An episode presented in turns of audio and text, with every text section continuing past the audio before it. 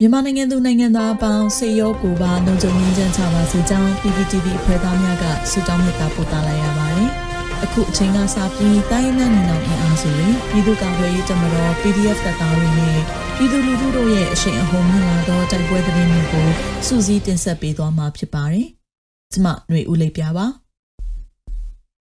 ပထမဆုံးအနေနဲ့ပခုတ်ကူကာကွယ်ရေးပစ္စည်းစက်ရုံနဲ့လှည့်ကင်းအဖွဲ့ကိုရှော့တိုက်တုံးမိုင်းများဖြင့်တိုက်ခိုက်ခဲ့တဲ့သတင်းတင်ဆက်ပေးပါမယ်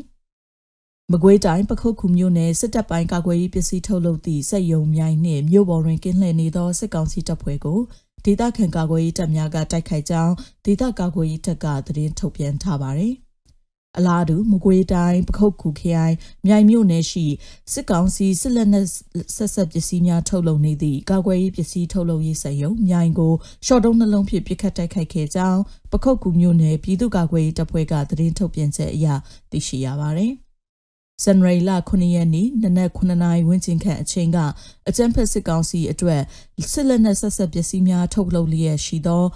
ကာကွယ်ရေးစိတ်ယုံမြိုင်ဒေတာအခေါ်လှဲပွဲစိတ်ယုံအားပခုတ်ကူမြို့နယ်ပြည်သူ့ကာကွယ်ရေးအဖွဲ့ PPTF နဲ့မြိုင်မြို့နယ်ပြည်သူ့ကာကွယ်ရေးအဖွဲ့တို့ပူးပေါင်း၍ရှော့တုံးနှလုံးဖြင့်ပြစ်ခတ်ဖျက်ဆီးတိုက်ခိုက်ခဲ့ခြင်းဖြစ်ကြောင်းဒေတာကာကွယ်ရေးတပ်ကသတင်းထုတ်ပြန်ပါတယ်။ထိုကဲ့သို့ပြစ်ခတ်ပြီးပူးပေါင်းအဖွဲ့များအထိခိုက်မရှိဆုတ်ခွာနိုင်ခဲ့ပါကြောင်းနဲ့ထိခိုက်ပျက်စီးမှုအခြေအနေအားအသေးစိတ်စုံစမ်းဆဲဖြစ်ပါကြောင်း PPTF ကသတင်းထုတ်ပြန်ပါတယ်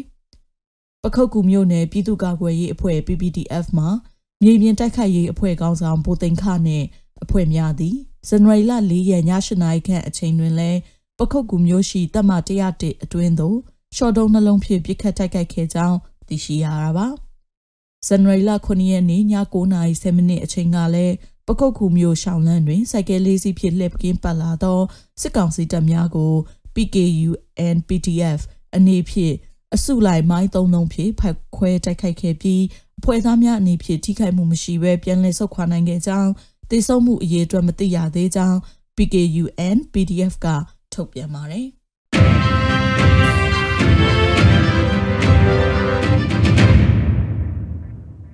ဝါခေမမျိုးရဲစခန်းကိုလက်ပစ်ပုံးဖြင့်ပစ်ခတ်တိုက်ခိုက်ခဲ့တဲ့တဲ့ရင်ဆက်လက်တင်ဆက်မှာပါ။အေယာဝတီတိုင်းမြောင်းမြ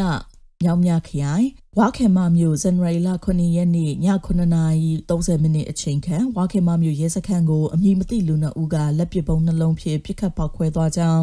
ပစ်ခတ်တိုက်ခိုက်သူနှစ်ဦးဘေးကင်းကြောင်းဒေသသတင်းရင်းမြစ်များကပြောပြပါရယ်ရဲစခန်းကထိခိုက်ပျက်စီးတရားရမှုကိုတော့မသိရှိရသေးဘူးလို့ဒေသသတင်းရင်းမြစ်များကဆိုပါတယ်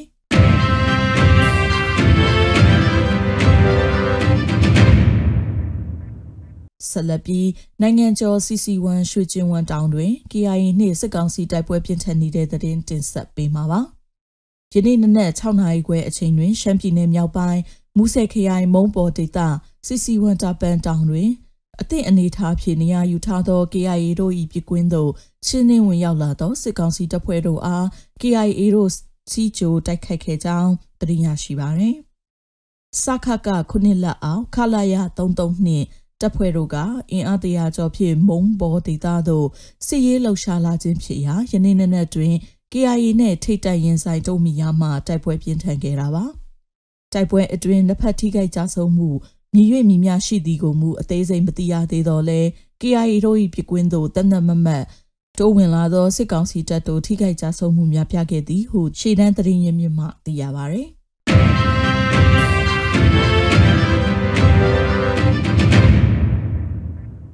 ရန်ကုန်တိုင်းစစ်ဒေသခွဲကုကဲရေးအဖွဲ့ရဲ့2022ခုနှစ်ဇန်နဝါရီလ10ရက်ရက်စွဲနဲ့တည်ထုတ်ပြန်ချက်ကိုဆက်လက်တင်ဆက်ပေးကြပါမယ်။2022ခုနှစ်ဇန်နဝါရီလ9ရက်နေ့မှ10ရက်နေ့အတွင်းရန်ကုန်တိုင်းစစ်ဒေသခွဲကုကဲရေးအဖွဲ့အနေနဲ့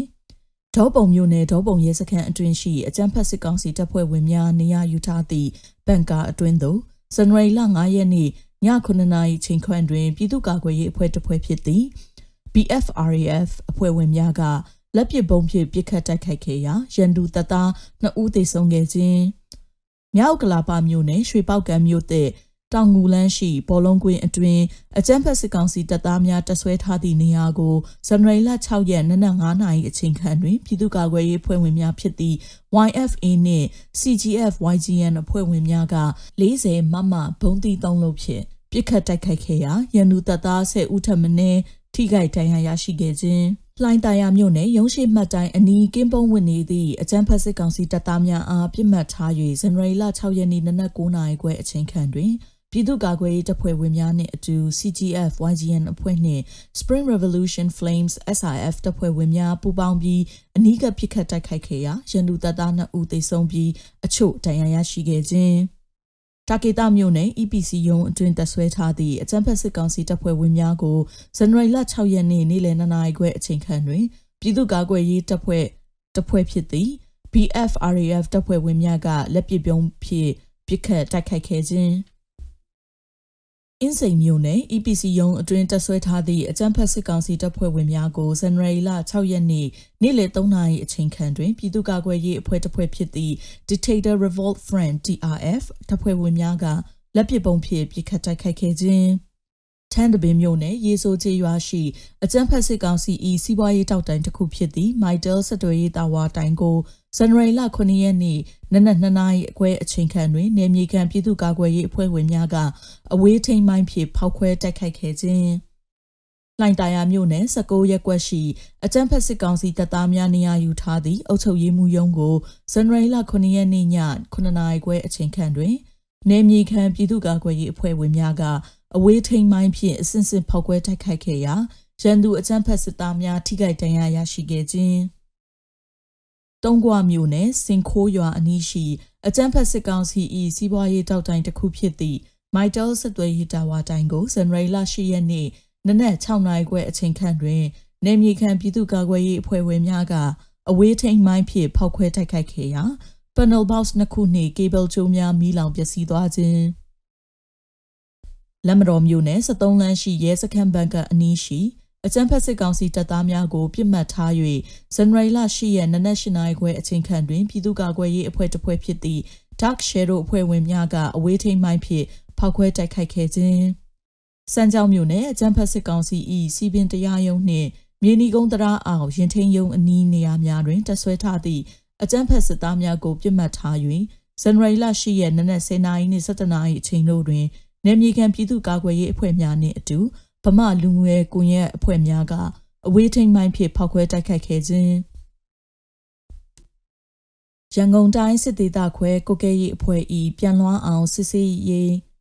စီမံချက်အရာဆောင်ရွက်ခဲ့သည့်အထက်ဖော်ပြပါစစ်ရေးလှုပ်ရှားမှုများအပြင်အခြားတော်လှန်ရေးအင်အားစုအသီးသီးတို့ကလည်းကြောက်တရားမြို့နယ်ဗိုလ်တထောင်မြို့နယ် မယန်းကုန်းမြို့နယ်မင်္ဂလာတောင်ညွမြို့နယ်နဲ့မင်္ဂလာတုံမြို့နယ်များတွင်အကြမ်းဖက်စစ်ကောင်စီတပ်များကိုပြစ်မှတ်ထားပြီးဖောက်ကွဲပစ်ခတ်တိုက်ခိုက်ခဲ့ခြင်းများပြုလုပ်ခဲ့ကြောင်းထုတ်ပြန်ထားပါတယ်။ရန်ကုန်တိုင်းစစ်ဒေသခွဲကုကဲရေးအဖွဲ့အနေနဲ့ပြည်သူ့ကာကွယ်ရေးအဖွဲ့ပကဖာများ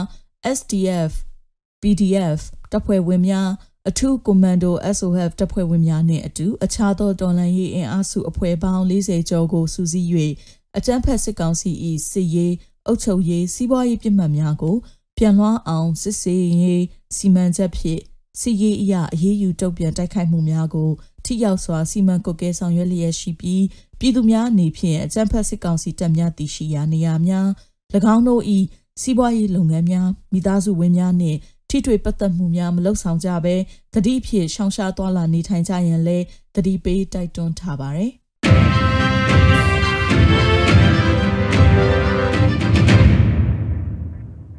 နောက်ဆုံးအနေနဲ့အမျိုးသားညီညွတ်ရေးအစိုးရပြည်ထရေးနဲ့လူဝင်မှုကြီးကြပ်ရေးဝန်ကြီးဌာနက2022ခုနှစ်ဇန်နဝါရီလ10ရက်ရက်စွဲနဲ့ထုတ်ပြန်တဲ့ပြည်သူ့ခုခံတော်လှန်စစ်တရင်ချက်လက်တွေကိုတင်ဆက်ပေးသွားမှာပါ။အာနာသိန်းအကြံဖက်စစ်အုပ်စု၏ပြည်သူလူထုအပေါ်အကြံဖက်ဖိနှိပ်ဖမ်းဆီးတိုက်ခိုက်တပ်ဖြတ်နေမှုများကိုပြည်သူလူထုတရက်လုံးကအသက်ရှင်တန်ရေးအတွက်မိမိကိုယ်ကိုမိမိခုခံပါကာကွယ်ပိုင်ခွင့်အရာပြည်သူခုခံစစ် People's Defensive War ကိုဆင်နွှဲလျက်ရှိပါတယ်။